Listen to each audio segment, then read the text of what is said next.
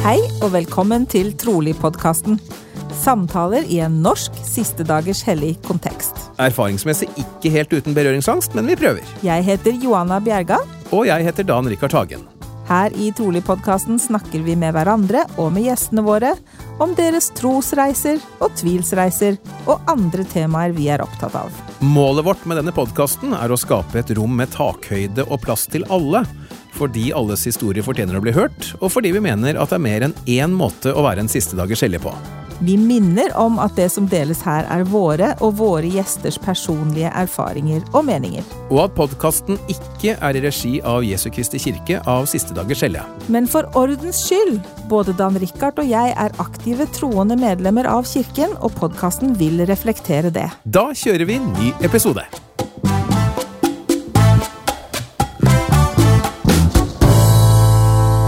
Da er det en stor glede å ønske velkommen til nok en ny episode av Trolig. Så får jeg hilse på deg aller først, da, Johanna. Hallo, Dan. Hvordan står det til i Stavanger? Det går fint i Stavanger. Her er det litt sånn eh, litt kaldere enn eh, vanlig for eh, desember å være, men, men vi får jo julestemning av det, da. Og hos dere så antar jeg at alt dreier seg om valp for tiden? Ikke helt feil. Nå har vi hatt, eh, når vi spiller inn dette her, så har vi hatt valpen vår i en eh, snau uke, og det blir mye tørking av gulv, merker jeg. Ja, du kan eh, se fram til noen uker av det. Ja, og så har jeg forstått at om ikke så altfor lang tid, så begynner tennene å klø og sånn, og det skal visst også være fryktelig gøy, da. Ja, du har mye å se fram til. Ja, Men det er veldig veldig koselig, da. Det må jeg si. Staffordshire bullterrier som løper rundt som en uh, villmann. Men det er vi vant til med åtte unger. Det er, alle er villmenn her, så det er ikke noe nytt sånn sett. Eh, Hunder blir jo ofte litt påvirket av eierne sine, så hvis, eh, så hvis det er høy temperatur og mye villmanngreier med ungene, så kan du nok forvente at du får en litt villmannhund òg, bare så du er klar over det. Men da glir hun i hvert fall rett inn, så det er helt greit. Ja. Nå vel, nå er det ikke hunden vi skal snakke om i dag, da, Johanna. Nei, vi skal ikke snakke om hund. Selv om vi er to hundeeiere. hundeeiere. vi kunne snakket om hund. Åssen er det med gjesten vår? Er gjesten vår hundemenneske òg, eller? Ja, Rune Skansen, har du hund? Ja, jeg har en hund. Vi har en uh, halvannet år gammel husky. Ganske kraftig jente. Som, eh, som jeg kjenner igjen litt av det du eh, beskriver. Ja, Huskyer er vel ikke kjent for å være helt rolige, de heller? Nei, definitivt ikke. Hun trenger litt mosjon, og hvis ikke hun får den mosjonen hun skal ha, så, så blir hun urolig inne. Så da, da merker vi det veldig godt. Ja. Ja. Halvannet år, ja. Så du er ferdig med valpeperioden, du. Hvordan var den for dere, da? Uh, nei, den var grei. Hun var jo noen Hun var jo litt over valpestadiet når vi fikk henne, så vi har ikke hatt henne så veldig lenge. Oh, ja. Men eh, nei, det var fint. Hun har vært renslig og grei da, siden vi fikk henne. Men, ah. men vi har fått oss en sånn stor sparkesykkel da, som vi kan dra tur her på, på sykkelveien her. Og så, og så får, vi, eh, får hun kjørt seg litt, og da, da blir det rolig. Ja, det er sånn det skal være, ute. Ok, Rune Skansen heter du, og ja, du er jo et nytt eh, jeg håper å si kapittel da, for oss eh, siste dagers Elje. Du, du, du har ikke vært medlem i så altfor mange måneder, men vi begynner ikke der. Vi må nesten høre litt hvem er nå du, Rune? For jeg hører jo på din dialekt at du kommer jo ikke fra Romerike, hvor du er eh, bosatt i disse dager.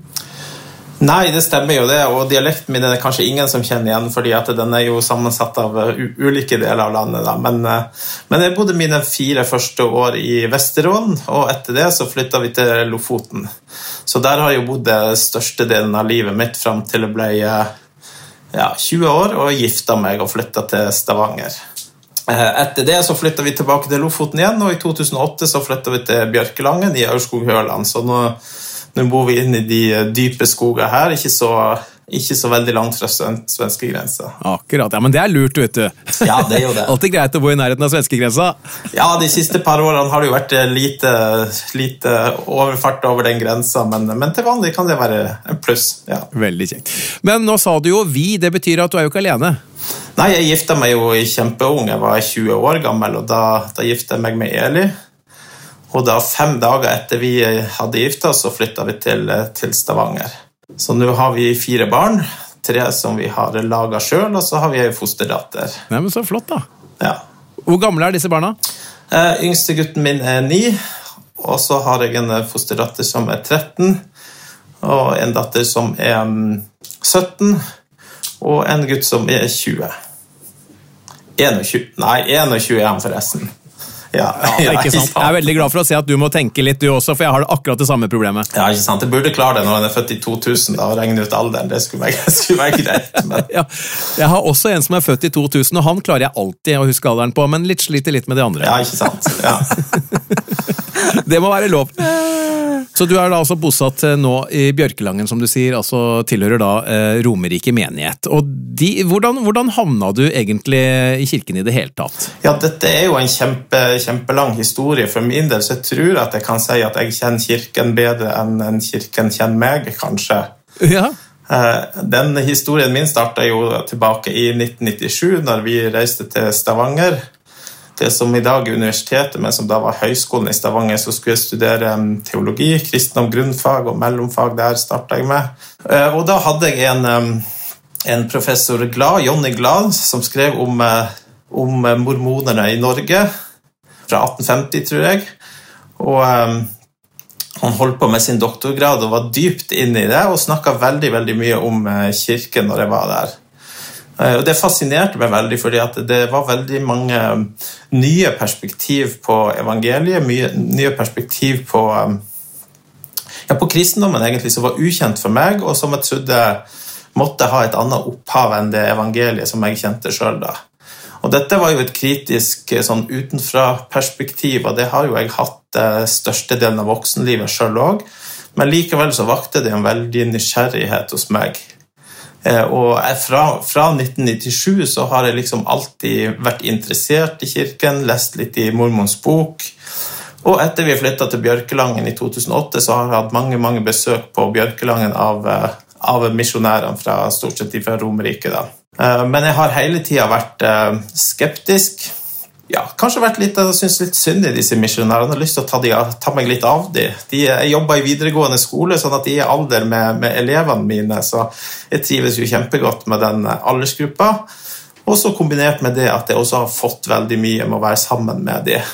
Um, opplevd de som fantastiske mennesker. Så høflige, så åpne, så herlige at det ja, det har vært helt fantastisk. Men likevel så har jeg jo vært veldig skeptisk. Og jeg har vært såpass skeptisk at alle samtalene jeg har hatt med misjonærene, de har jeg hatt her uh, ute i vinterhagen, som jeg sett nå.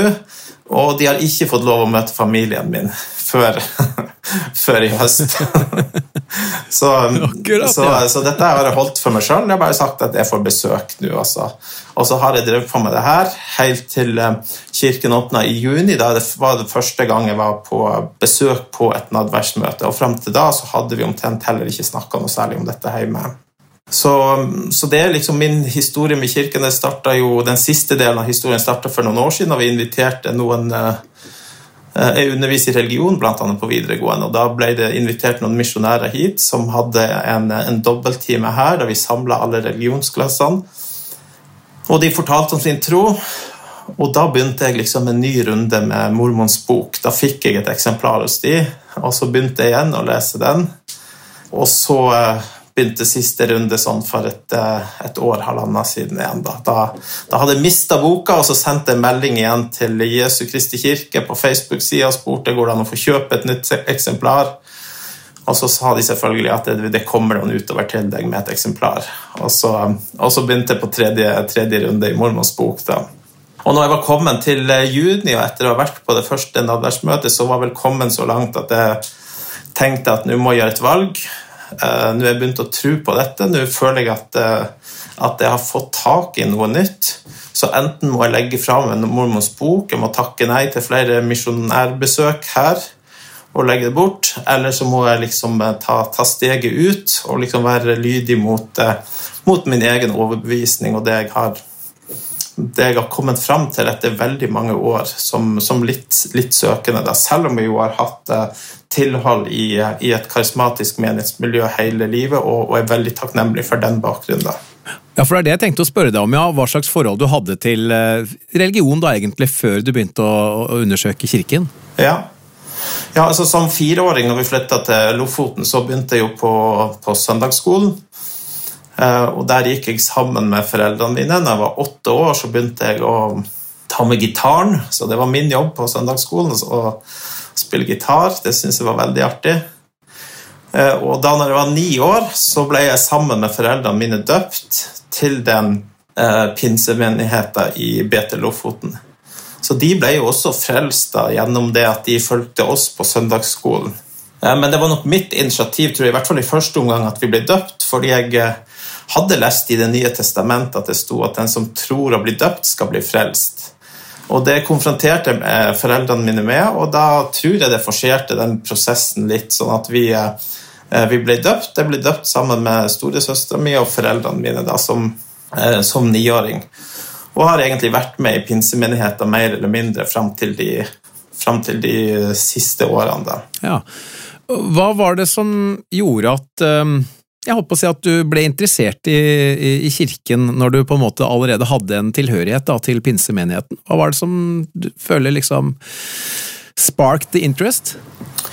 Ja, altså det er jo mye, men egentlig så Jeg vet ikke om det er kjedelig å si det, men først og fremst var det jo, var det jo faktisk teologien, da. Fordi at jeg, eh, når jeg studerte teologi, så, så Innfallsvinkelen min til Jesu Kristi kirke var jo at dette var noe som egentlig ikke hadde med det med evangeliet å gjøre, egentlig, men noe som var komponert i ettertid. Eh, og så ble jeg først og fremst eh, Ja, kanskje det første som overraska meg, var at jeg fant det når jeg leste 1. Korinterne 15, oppstandelseskapitlet, da, at det står jo jammen noe i Det nye testamentet om, eh, om dåp for avdøde. Det er et av de vers som vi aldri leser i pinsemenigheten, og aldri har hørt noe om, og aldri har brydd oss om heller. Men det brukes jo nesten som et bevis på, at Jesus var var oppstanden. da.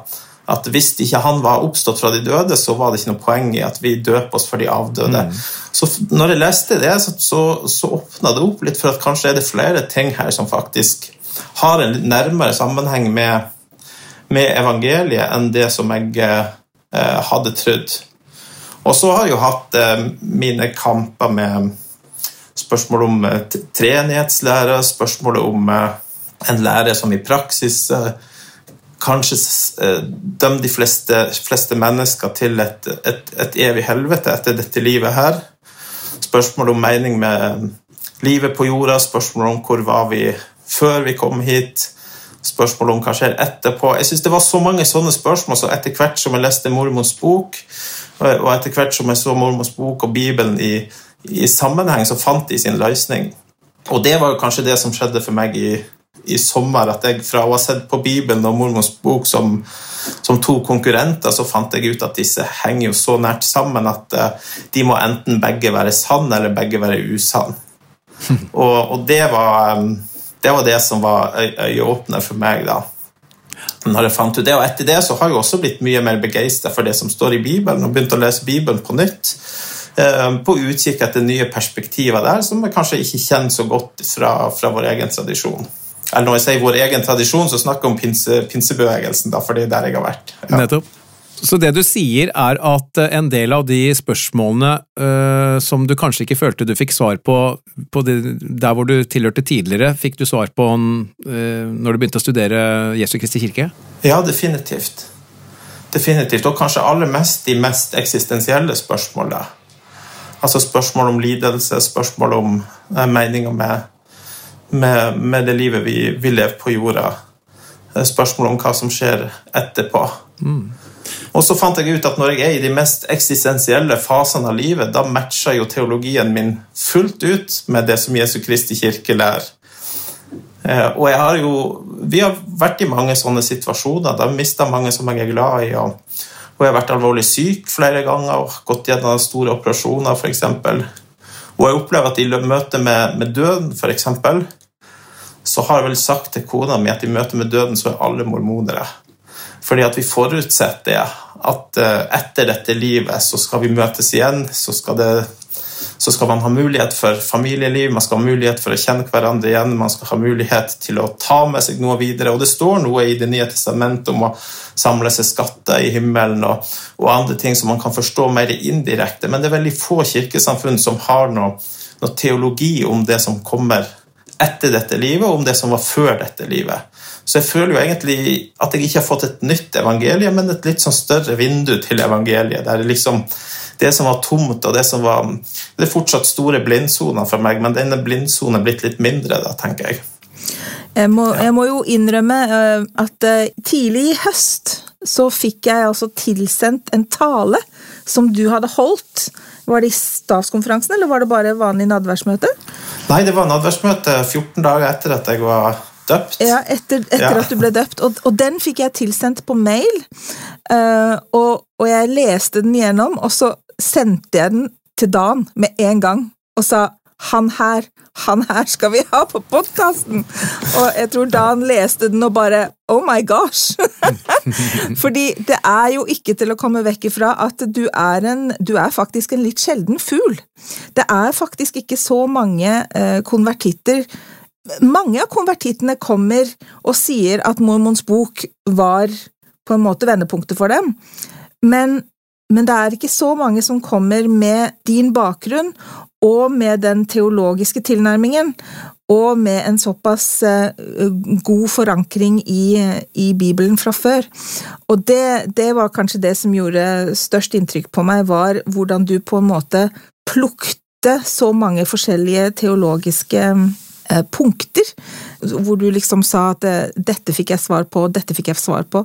Det var, det var rett og slett ja, eh, jeg får si det sånn at det styrket i hvert fall meg og min tro. For av og til så opplever jeg det at når jeg snakker med folk utenfor kirken, så føler jeg av og til at, det, at, at de avviser, liksom, eller bagatelliserer eh, litt kjapt det, det, vi har å komme med.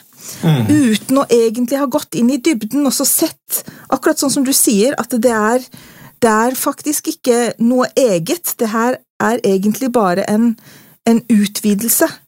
Uh, og, og, gir ja. bare en dypere forståelse, for det, det, er ikke Vi kan ikke avfeie så lett, tenker jeg.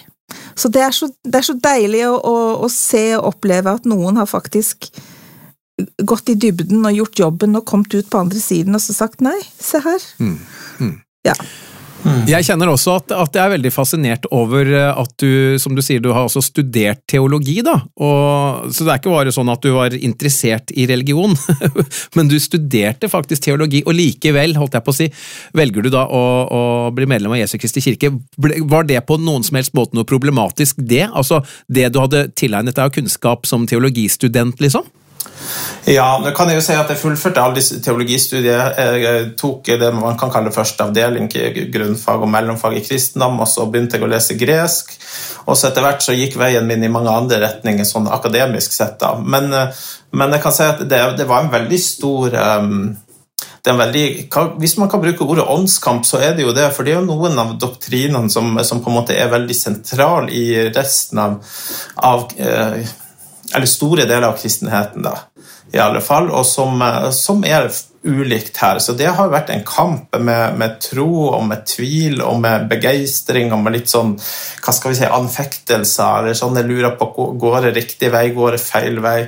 Så, så, det har nok vært vanskelig. Jeg har en stor familie sjøl der de aller fleste er medlem i en pinsemenighet eller en pinsekarismatisk menighet. Og, og det er vel sånn at de fleste der tror jeg kanskje først og fremst av omsorg til meg, syns at dette er en ganske dårlig idé.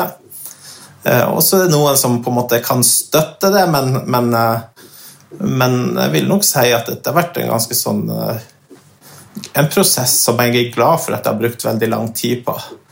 Det var ikke noe jeg kom på for et par måneder siden. Altså, sånn sett så kanskje det var fint at det tok den tiden det, det tok for meg. Mm. Men etter hvert i dag så tenker jeg jo at jeg, eh, jeg tror mer på, på, det jeg tror på, og jeg tviler litt mer på tvilen min. så, så og, og, jeg syns jo òg at eh, når det gjelder mormons bok, så er det jo ingen tvil for meg lenger at uh, mormons bok i hvert fall er et, et gammelt hebraisk eller gammel egyptisk oldtidsskrift. At det ikke er noe som Joseph Smith fant på på 1800-tallet. Eh, og Noen ganger kan til og med irritere meg over andre medlemmer i kirken som sier at dette handler i stor grad om tro og overbevisning. Det gjør jo det. Men det er noen faktiske forhold med mormons bok som er veldig vanskelig å bortforklare.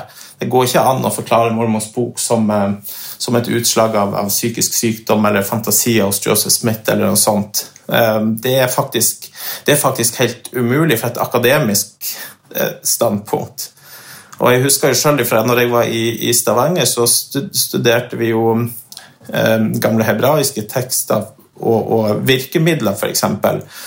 Og da var det jo dette ja, Vi har mye parallellisme i Bibelen, og så har vi det som vi kaller for kiasme, ikke sant? Som, som kanskje ikke var kjent som, som virkemiddel sånn tekster ordentlig kjent før på 1930-tallet. Og så ser vi da Joseph Smith og, og og mormons bok 100 år før det, i Alma 36, som kanskje har Jeg vet ikke om det må være verdens lengste kiasme i Alma 36. da Jeg lurer på om det er 32 vers. Mm. Eh, altså et virkemiddel som man på 1830-tallet, 1840-tallet ikke kjente til i det hele tatt. Man har likevel liksom by accidents fått det til da, på en så lang tekst. Og jeg syns at dette er jo Vel, vi kan ikke bevise hva mormons bok er, men vi kan i hvert fall bevise hva det ikke er. Det er ikke på en måte noe som er, noe noen har funnet på på 1800-tallet. i hvert fall. Det kan vi se med 100% sikkerhet. Og vi, Den diskusjonen kan vi ta med lingvistikere, med historikere og med teologer og andre, og de vil være enige med oss hvis de, hvis de kjente saken.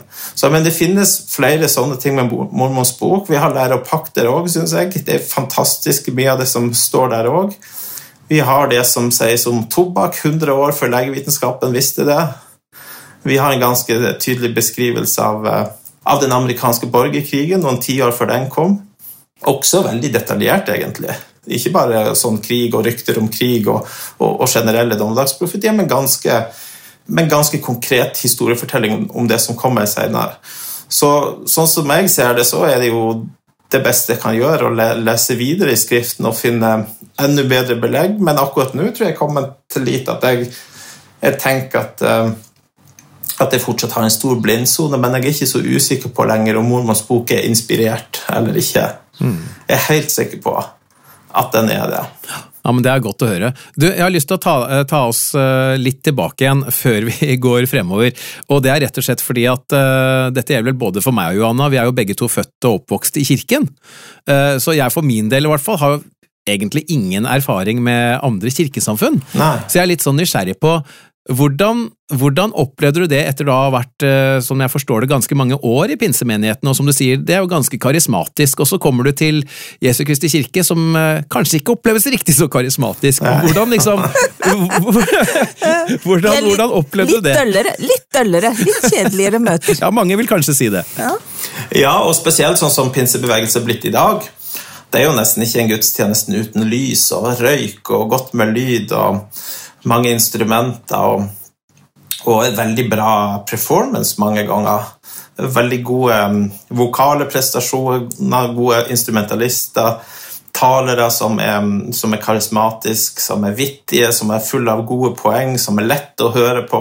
Altså, dette er en helt annen stilart. Og nettopp derfor så tror jeg det var nyttig at jeg gjorde meg kjent med teologien først, for det er teologien som har appellert til meg, og, og ikke stilarten. Da. så når jeg, var i kirka, når jeg var i kirka første gangen, så tenkte jeg som så at jeg er glad for at jeg kjenner teologien her, for den er jeg like glad i, og den kjenner jeg igjen. ikke sant?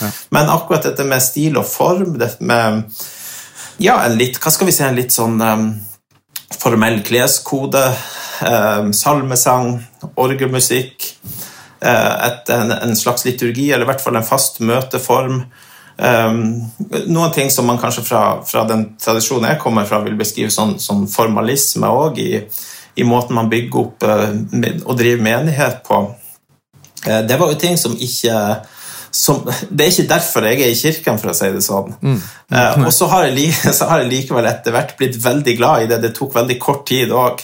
Men første gang jeg var der, så tenkte jeg dette, dette på en måte ikke er skapt for mine preferanser. da. Men det gjør, synes jeg, for meg sjøl mitt eget vitnesbyrd bedre. da, fordi Hvis jeg først hadde blitt kjent med, med, den stilen og det miljøet, og det hadde vært det som hadde trukket meg inn i kirken, og så hadde teologien på en måte forma seg etter det, så tror jeg kanskje at jeg hadde litt større pro problemer med, med, troverdigheten da, når jeg, når jeg diskuterer med meg sjøl. da. men det var litt tvert imot. Dette er, er veldig veldig forskjellig i, i stil. Og så tror jeg det er mer likt i innhold enn det, enn det mange tror. Mm. Det er litt interessant. Mm. Ja. Det er litt uh, morsomt at vi snakker om akkurat dette her nå, fordi at uh, et av, uh, en av mine barn ville absolutt se en norsk film som heter Disko sammen med oss. Vi har bare kommet halvveis. Jeg vet ikke hvor kjent den filmen er for allmennheten, men det er jo da et karismatisk kirkesamfunn som blir omtalt, og hvordan denne jenta i denne familien opplever det å vokse opp her, da. Som sagt, jeg har kommet halvveis, så jeg, så jeg vet ikke hvordan dette her ender. Men, men ut fra hvordan du beskriver det, så virker det jo som om den beskrivelsen som er i den filmen, ikke er så ulik virkeligheten. Det, er, det, var, det var laser, det var røyk, det var uh, heftige diskorytmer og nesten som et houseparty, sånn som jeg opplevde det, liksom. Og, og, og det, er, det er jo så fjernt for meg, da. Og, så, og da blir jeg litt sånn Hva, hva, får man, eh, hva får man ut av det sånn i åndelig, åndelig sett? Eh, får jeg da spørre deg som har erfaring? Ja, jo, nå kan jeg jo si at jeg også, nå når vi snakker om disse to kirkesamfunn, så karikerer nok det jeg det også litt. Ja da. Fordi at det er ikke sånn at alle, det er ikke sånn at alle menigheter har det på den måten, og at det er at det er Altså, vi har også bibelundervisning i pinsemenigheten, og vi har også eh, stille bønner skjer jo òg, men det er en helt annen eh, form og stil. Men eh, jo, men jeg tror jo det at, at møtet med det åndelige, møtet med det hellige, kan skje på, på ulike måter. Og jeg har definitivt gode, sterke åndelige opplevelser fra min tid i pinse, pinsemenigheten som jeg ikke ville ha vært eh, foruten. Og har mange ja, gode unge voksne som stiller opp for meg når jeg var barn og tenåring. Og et fantastisk godt uh, miljø. Disse søndagsskolelærerne mine som, eh, som tok seg av meg fra jeg var ja, fire og fem år til jeg var ni-ti år, det var jo bare, det var bare helt fantastisk. Mm. og, og så, men når det gjelder åndelige, så er det veldig ja, både veldig likt og ulikt. da. Men jeg kan jo oppleve å møte Gud i i begeistrende gode lovsangsrytmer med høy musikk og med god stemning, eh, og der, eh, eh, der ting ligger til rette for det, sånn som det var for meg når jeg var ungdom. i alle fall. Og jeg kan møte Gud også i, i stillhet her ute i vinterhagen sammen med, med mormons bok og, og en kopp eh, konvertittkaffe. Barley cup. ja. Den må være med. Ja. Ja, men Det er veldig godt, veldig, veldig godt å høre deg beskrive det um, så bra, for det, det er jo ikke noe sånn at, um, at vi sitter her som siste dagers helle og tenker at nei, pinsemenigheten det er jo bare tull. så langt derifra. Nei, og det er litt viktig for meg, for jeg tror kanskje at andre veien så tror jeg kanskje at det, at det Jeg tror ikke det er veldig mange i pinsebevegelsen som vet mye om eh, Jesu Kristi kirke, da. Eh, Men jeg har likevel møtt en god del mennesker som har for eksempel veldig veldig sterke synspunkter på mormons bok uten å ha sett den eller lest den. Ikke uvanlig. Nei, så det, det er nok kjent. Og, og deres egentlig gode argument er at vi har Bibelen, og vi vet at det, det, det er nok for oss, og alt utenom det er tøys og tull og, og falskneri og, og på en måte ikke ekte. Så på en måte det er et utgangspunkt de har, som du kan si i noen situasjoner kan være et, et godt utgangspunkt. da. Men, eh, men i møte med, med mormons bok og de hellige skrifter i, i Jesu Kristi kirke, så, eh, så har jeg jo lært at vi, vi mister mye hvis ikke vi forholder oss til de i tillegg til Bibelen. Ja. Akkurat i forhold til det så liker jeg seg godt det Josef Smith eh, en gang sa, at eh, sø, eller det står vel også i lærepakter, søk visdom i de beste bøker. Ikke sant? Vi kan Ja. finne sannhet overalt, og jeg mener det er sånn det skal være. Ja, ja, Og så må vi da kunne tørre å stole på at Den hellige ånd bekrefter all sannhet for oss. Og når vi kan stole på det, så hvordan kan det da være farlig å holdt på å si for en som tror på Bibelen, da å lese Mormons bok, tenker jeg da. Og i Bibelen står det jo også 'prøv alt og hold fast ved det gode'. Så ja. Ja, det er sant. eh, denne siste, denne siste uken så, så har vi eh, i Kom følg med meg-pensumet studert trosartiklene. trosartiklene. Uh, og, og jeg ble minnet på eh, trosartikkel er det nummer ni, som sier at vi, vi fordrer rett til å tro på det vi vil, og så lar vi alle andre få tro det de vil. Og det, det syns jeg er så fint, at, eh, at det på en måte ligger nedfelt i trosartiklene våre. Ja. At, at vi anerkjenner retten til alle mennesker til å tro på akkurat hva de vil. Og, og, og det å kunne sant, Dette her med holy envy, ikke sant? altså det å kunne, kunne se på hverandres trossammenhenger og se på hverandres ja, eh, religioner og, og livssyn, og, klare å se det fine hos andre. Og anerkjenne det fine hos andre. Mm. Og, og ikke liksom sette opp um, skylapper eller båser og bare avfeie alt annet. Liksom, prøv alt, hold fast ved det gode, ikke sant. Altså, ikke? Vi, sier ikke, vi sier ikke til deg heller at du skal forkaste og bare hive på båten alt, alt det du har fra før, men bare Nå får du litt til. Nå får du mer. Ja, ikke sant. Og det har vært viktig for meg. Og jeg, jeg leste også trosartiklene før jeg, før jeg besøkte kirken første gang, og jeg syns også det var sterkt egentlig å se at en som egentlig på en måte en veldig et veldig konservativt kirkesamfunn eh, har det nedfelt egentlig religionsfriheten og andres rett eh, og vår plikt egentlig også til å respektere andres tro og andres religion, andres overbevisning. Og det, det, det var også et godt vitnesbyrd for meg. Jeg har kommet litt dit henne at jeg, jeg Altså, jeg syns at uh, religion har gjort nok i forhold til å ekskludere folk, altså til å, til å båsette. Mm. Ikke sant? At 'å ja, du er der, du er der, du er der'. Jeg tenker at religion, en riktig religion, den skal være omfavnende. Mm. Heller ta med seg alt som er godt, da. Ja, ja. Inklu ja inkluderende. Og så tenker jeg Når noen bruker ordet kristen om seg sjøl, f.eks., så tenker jeg det det skulle være rart for meg å ta fra dem den forståelsen av sin egen identitet og si at dette er ikke kristendom fordi det ligner ikke på det, mm. det som jeg tror på, f.eks. Ja. Og, og Derfor kan jeg også kjenne at jeg kan, kan også bli litt såra av noen av mine gamle venner som, som på en måte velger å ekskludere Jesu Kristi kirke fordi de har hørt om noe som, som ikke stemmer det de trodde de visste fra før, og som de, de tror er veldig sært. Og det, det kjenner jeg en, kanskje, den, kanskje den høyeste prisen å betale da, for å, å gjøre det som jeg har gjort i, i godt voksen alder. Mm. Men du kom faktisk ikke inn i kirken helt alene. Du fikk både med deg Eli og et av barna? Ja, det var jo Sune som var åtte år, som um, som jeg snakka litt med først om det her, fordi han har vært veldig opptatt av eh, eksistensielle spørsmål. og um, han har hatt litt, um, litt, ulike utfordringer som gjør at vi har brukt lang tid på uh, hver kveld når han skal legge seg ned og sove, og så ender vi opp i, i mange eksistensielle uh, diskusjoner og samtaler. Da. Og Vi har snakka om dette, for han var ikke døpt. Og etter å ha vært i kirken én gang og to ganger, så um, så sa Sune til meg at pappa, jeg tror vi kommer bare til å snakke om det. Jeg tror aldri vi kommer til å døpe oss. Vi bare snakka om det. Altså, kan vi ikke bare gjøre det, sier han. Og så ble jeg enig med Sune at ok, kanskje vi skulle gjøre det i lag. Kanskje du og pappa, at vi, vi døper samtidig, og så går vi inn i kirken. Så, var, så da bestemte vi oss for det. Jeg og kona mi var ikke med i den uh, planen i det hele tatt. Så vi bare snakka med henne og var enige om at jeg og Sune vi skulle døpe oss.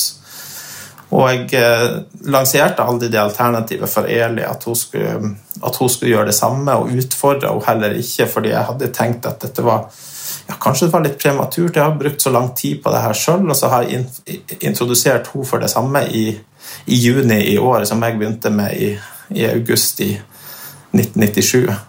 Men så gikk det en uke eller to eller tre, og så hadde Eli sin helt egne åndelig opplevelse som gjorde at hun ble overbevist, og hun kom og fortalte meg at hun også vil bli døpt sammen med meg og Sune. Så da døpte vi oss alle tre 14.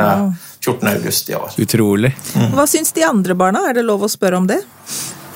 Ja, de, eh, de har tatt det veldig pent. Ja, så det er kanskje der vi har fått mest støtte. Eh, og så på en måte skulle jeg ønske at jeg, jeg tror det hadde vært lettere for de hvis vi hadde gjort det her når de var mindre. da. Så han som er 21 og hun som er 17, de, de har jo sine liv. Sebastian som er eldst, han, han har sitt liv, og Sunniva har sin eh, menighetstilhørighet. Kanskje først og fremst i en, i en, ganske liten menighet som heter Kristent Fellesskap, der vi også var med i et par år. Eh, så de har eh, sine liv og sitt miljø, og, og er nok ikke klar til å er nok ikke så spontan at de kan liksom kaste bort det, og det setter jeg egentlig pris på. det. Men jeg opplever likevel at de har vært positive til kirken, at de har vært positive til å bli kjent med folk, og at de ser at det har skjedd noe med familien, familien vår etter vi gikk inn i kirka, som, som jeg tror de syns er godt. Mm. Ellers så ser jeg for meg mange interessante samtaler, eh, gjerne i familien, da, når eh, Du har en som tilhører en annen menighet, og det må jo være mange interessante samtaler ut av det òg? Ja, ja, ja. Det er jo det. Absolutt. Så, så vi snakker veldig mye om det. Og, og, også med, kanskje med resten av storfamilien min òg har jeg mange interessante samtaler. Og der har jeg jo den fordelen at, eh, at jeg kjenner begge tradisjonene veldig godt. da. Så jeg forstår, jeg forstår hvorfor, dette, hvorfor, dette, er vanskelig for dem. Det gjør jeg. Men nå beskriver det jo sånn at det er kommet hjem, sånn både teologisk og på, og på mange måter. Og nå er jo vår vanlige samtaleemne her hjemme at vi syns at uh, uka har blitt så lang, og at det er altfor lenge mellom hver søndag. Så det er jo liksom det dilemmaet vi, vi, har nå. Vi, vi, trives kjempegodt på, på gudstjeneste og i Romerike menighet, som har tatt så, så godt imot oss, at det, det har vært en drøm for oss. Så det har liksom fylt, eh, fylt både livet og hverdagen og helgen og, og alt med, med, nytt innhold og ny mening.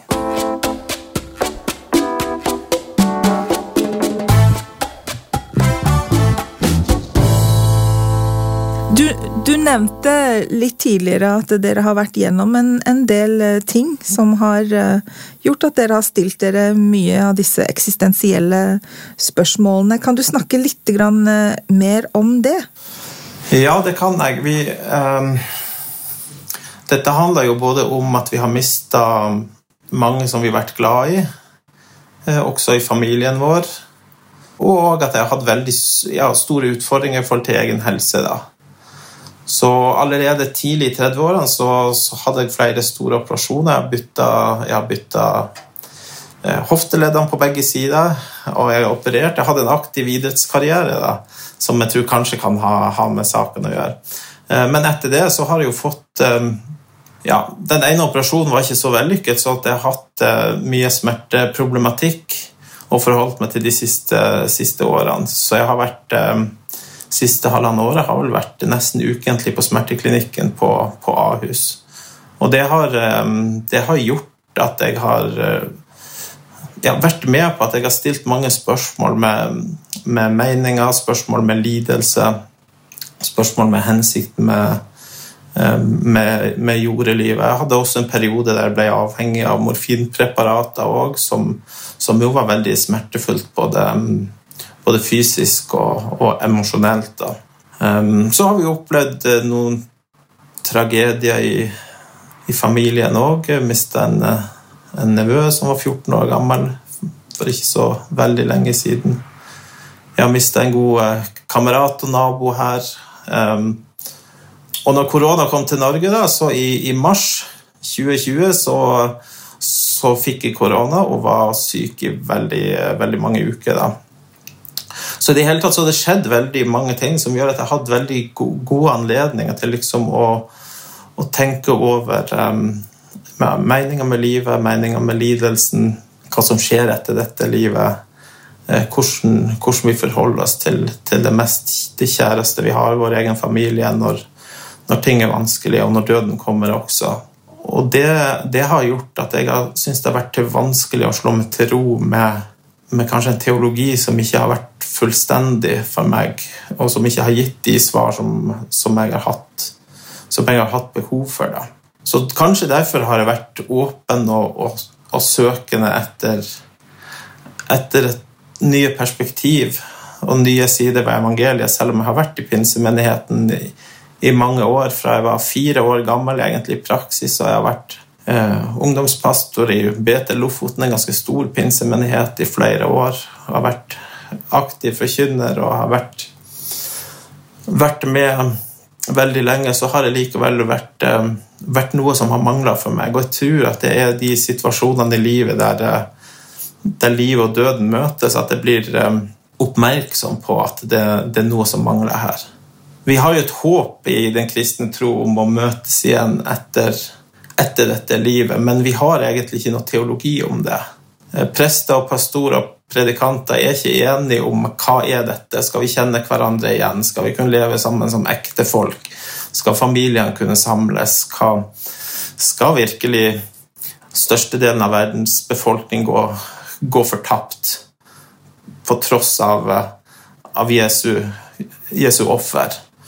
På tross av at han, ja, Paulus kalles for den andre Adam. ikke sant? så skal bare en liten andel av menneskeheten oppnå frelse, mens de andre skal, skal oppnå fortapelse. Altså, sånne ting har jeg liksom aldri greid å bli ferdig med. Jeg har ikke fått ro til å, å legge det bort. Og derfor har kanskje min, eh, mine studier, min interesse for å sjekke ut andre perspektiver vært eh, Ja, jeg har hatt stor utholdenhet på det. da.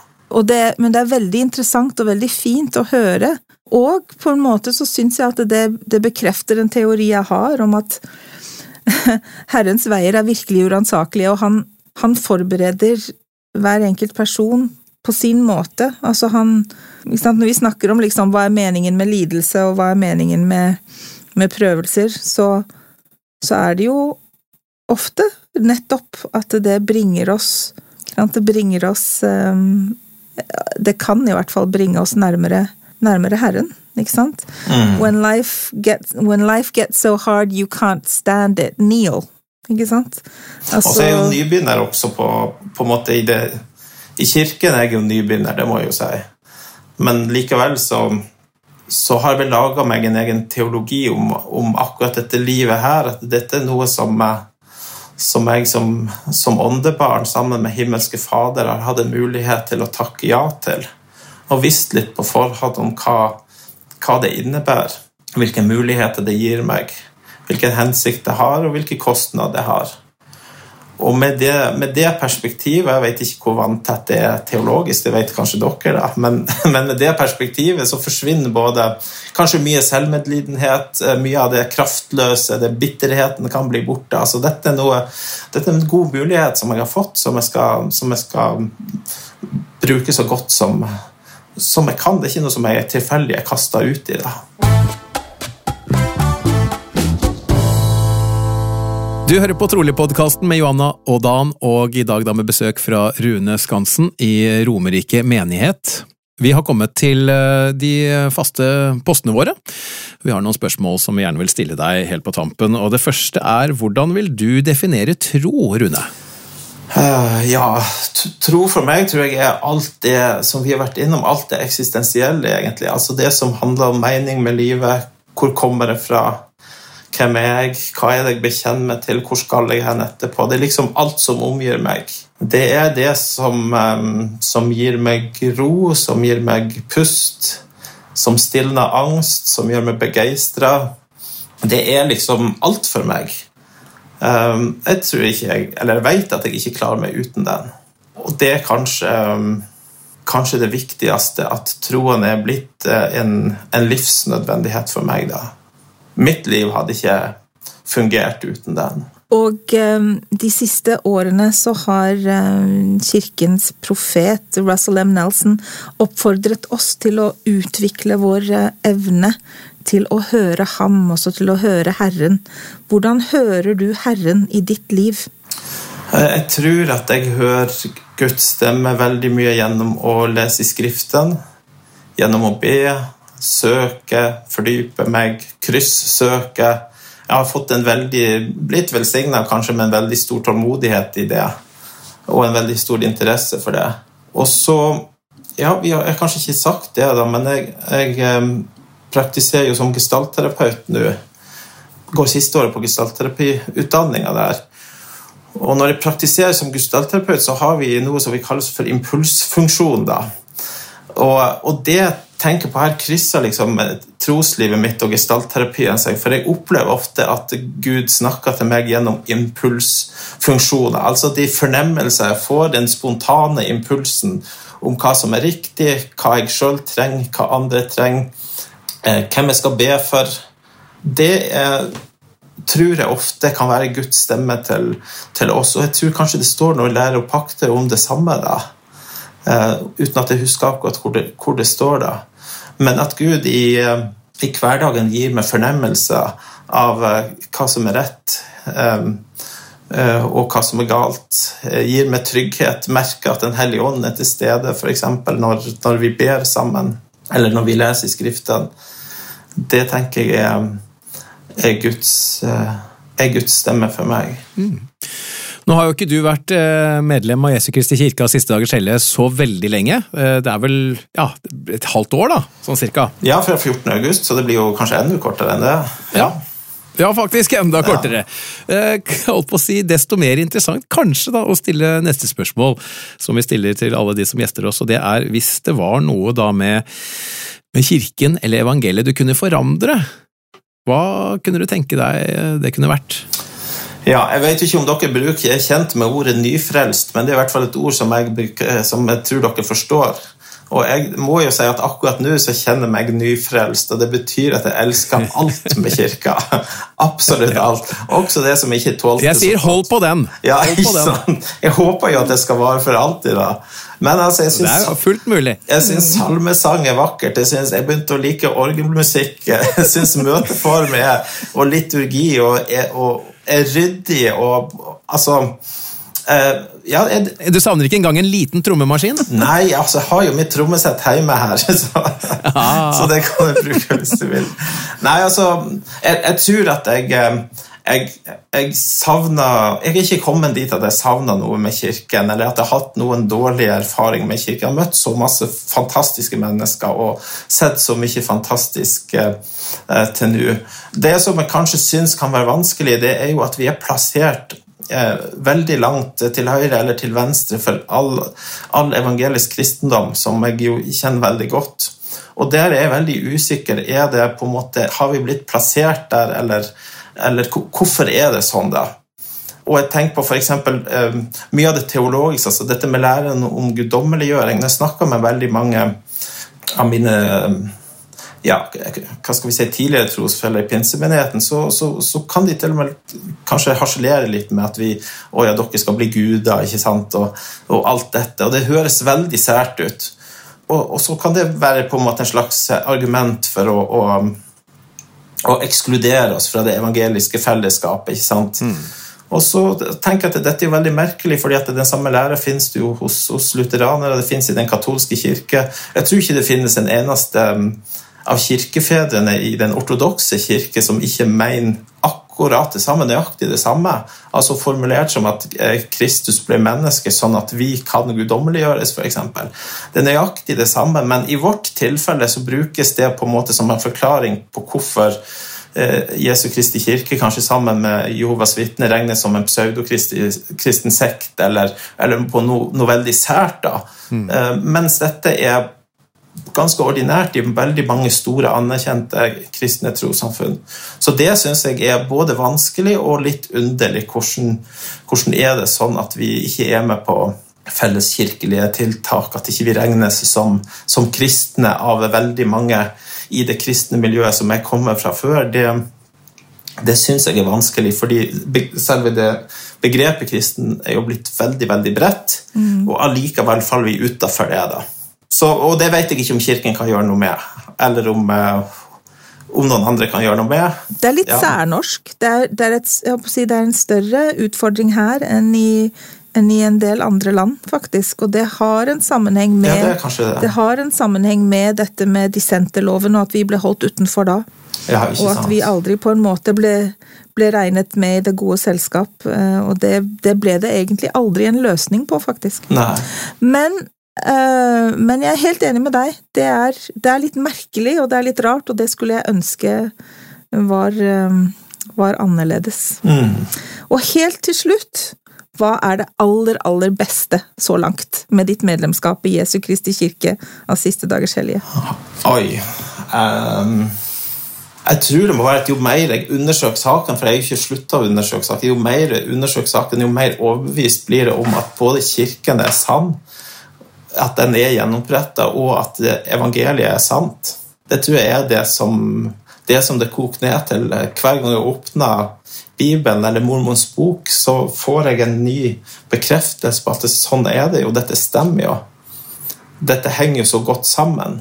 Så det, det tror jeg kanskje er min sterkeste opplevelse. Men så har jeg lyst tillegg også til å si mye godt om fellesskapet i Romerike menighet. Det er så mange gode familier der, så mye gode folk der. Og det i tillegg til teologien, så var det det som overbeviste meg. Første møtene etter nedstenginga var et uh, Heter det vitnemøte? Ja, fast og vitnesbyrdsmøte. Mm. Ja, ikke sant, fast og vitnesbyrdsmøte, ja. Så, og da var det så mange eh, gode mennesker som kom opp og fortalte ærlig og sant om livet og om troen sin, og det, det syns jeg har vært nydelig. Eh, altså, dette har ikke vært noe som på en måte skal selges eller skal pyntes på eller skal gjøres eh, lettvint og greit. Dette er, dette er sånn som det er. Det er, det er så solid, tenker jeg. Og på samme måte når vi, når vi blir kjent med mennesker her òg. Vi blir kjent med, med, med, hele mennesket. Og jeg tror vel det første, den første personen jeg møtte, var vel, eh, var vel Stein Jetmund Pedersen. Altså blant kirkens medlemmer. Stein gjorde et kjempeinntrykk på meg. altså. Han fortalte sin historie og, og, om sine ting i livet som, som både var, var, lett og som var vanskelig. Og han, eh, han var et vitnesbyrd i seg sjøl, egentlig, for oss alle. Og han kommer forresten til oss i dag når vi er ferdig her med podkasten. Det er lett å bli glad i Stein. Ja. Mm. Du må hilse ham så mye. Han er min, han er min uh, reservepappa, det har han vært uh, hele livet mitt. Ja. Mm. Ja, også Et av verdens vakreste ord har jeg jo funnet, det er ordet omsorgsbror. Det syns jeg òg er så nydelig. Jeg tror ikke dere vet hvor, hvor, godt det ordet er hvis man aldri har hørt det før. Men å ha fått Stein Jetmen Pedersen som omsorgsbror her, det er jo helt eh, Ja, det blir ikke bedre enn det. Det blir ikke bedre enn det. Og mange mange flere med han. da, Nå kunne jeg ha nevnt veldig mange. Vi har blitt godt kjent med mange. Men, eh, mm. men eh, Kirkens medlemmer fantastisk. Ja, helt fantastisk. Tusen takk for at du hørte på dagens episode. Vi er snart tilbake med en ny og spennende samtale. Og for å gjøre ventetiden litt kortere, så kommer som vanlig vårt nyhetsbrev mer enn trolig i innboksen din om kort tid. Ja, Det er hvis du abonnerer på det, da. Og det gjør du enkelt inne på vår Facebook-side. Ja, og i tillegg så finner du oss både på Instagram og Twitter som oppdateres med jevne og ujevne mellomrom. Har du forslag til enten temaer eller gjester du syns vi burde snakke med? Send oss en e-post til troligpodkast med k at gmail.com. Og vi blir veldig glad for skriftlige tilbakemeldinger i alle våre kanaler. Og ikke glem at dette vil også hjelpe andre å finne trolig. Takk for nå. Vi høres!